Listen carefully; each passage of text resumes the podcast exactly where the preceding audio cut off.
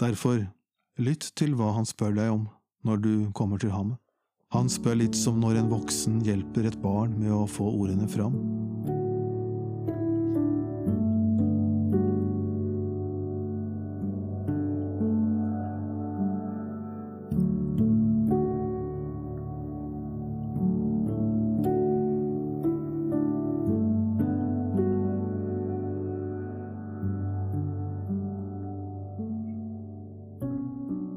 Dagen etter sto Johannes der igjen sammen med to av disiplene sine.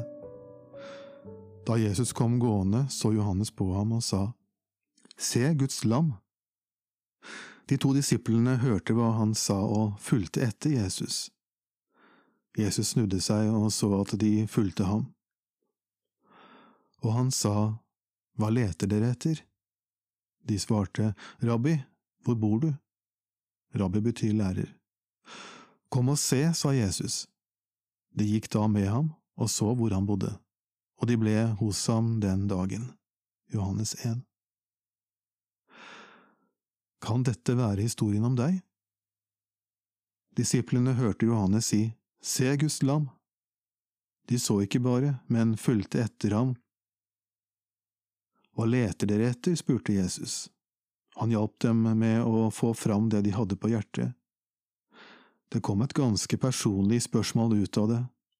Hvor bor du? Døperen Johannes ropte Se Guds lam da Jesus kom gående.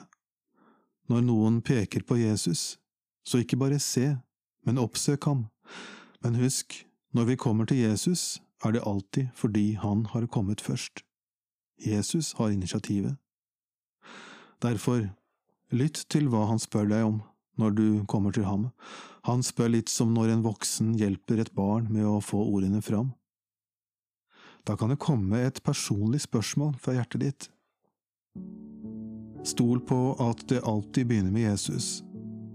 Stol på at han er interessert i hva du ser etter, og vil hjelpe deg med å komme med spørsmålet. Så kan svaret hans bli like personlig som spørsmålet ditt. Kom og se.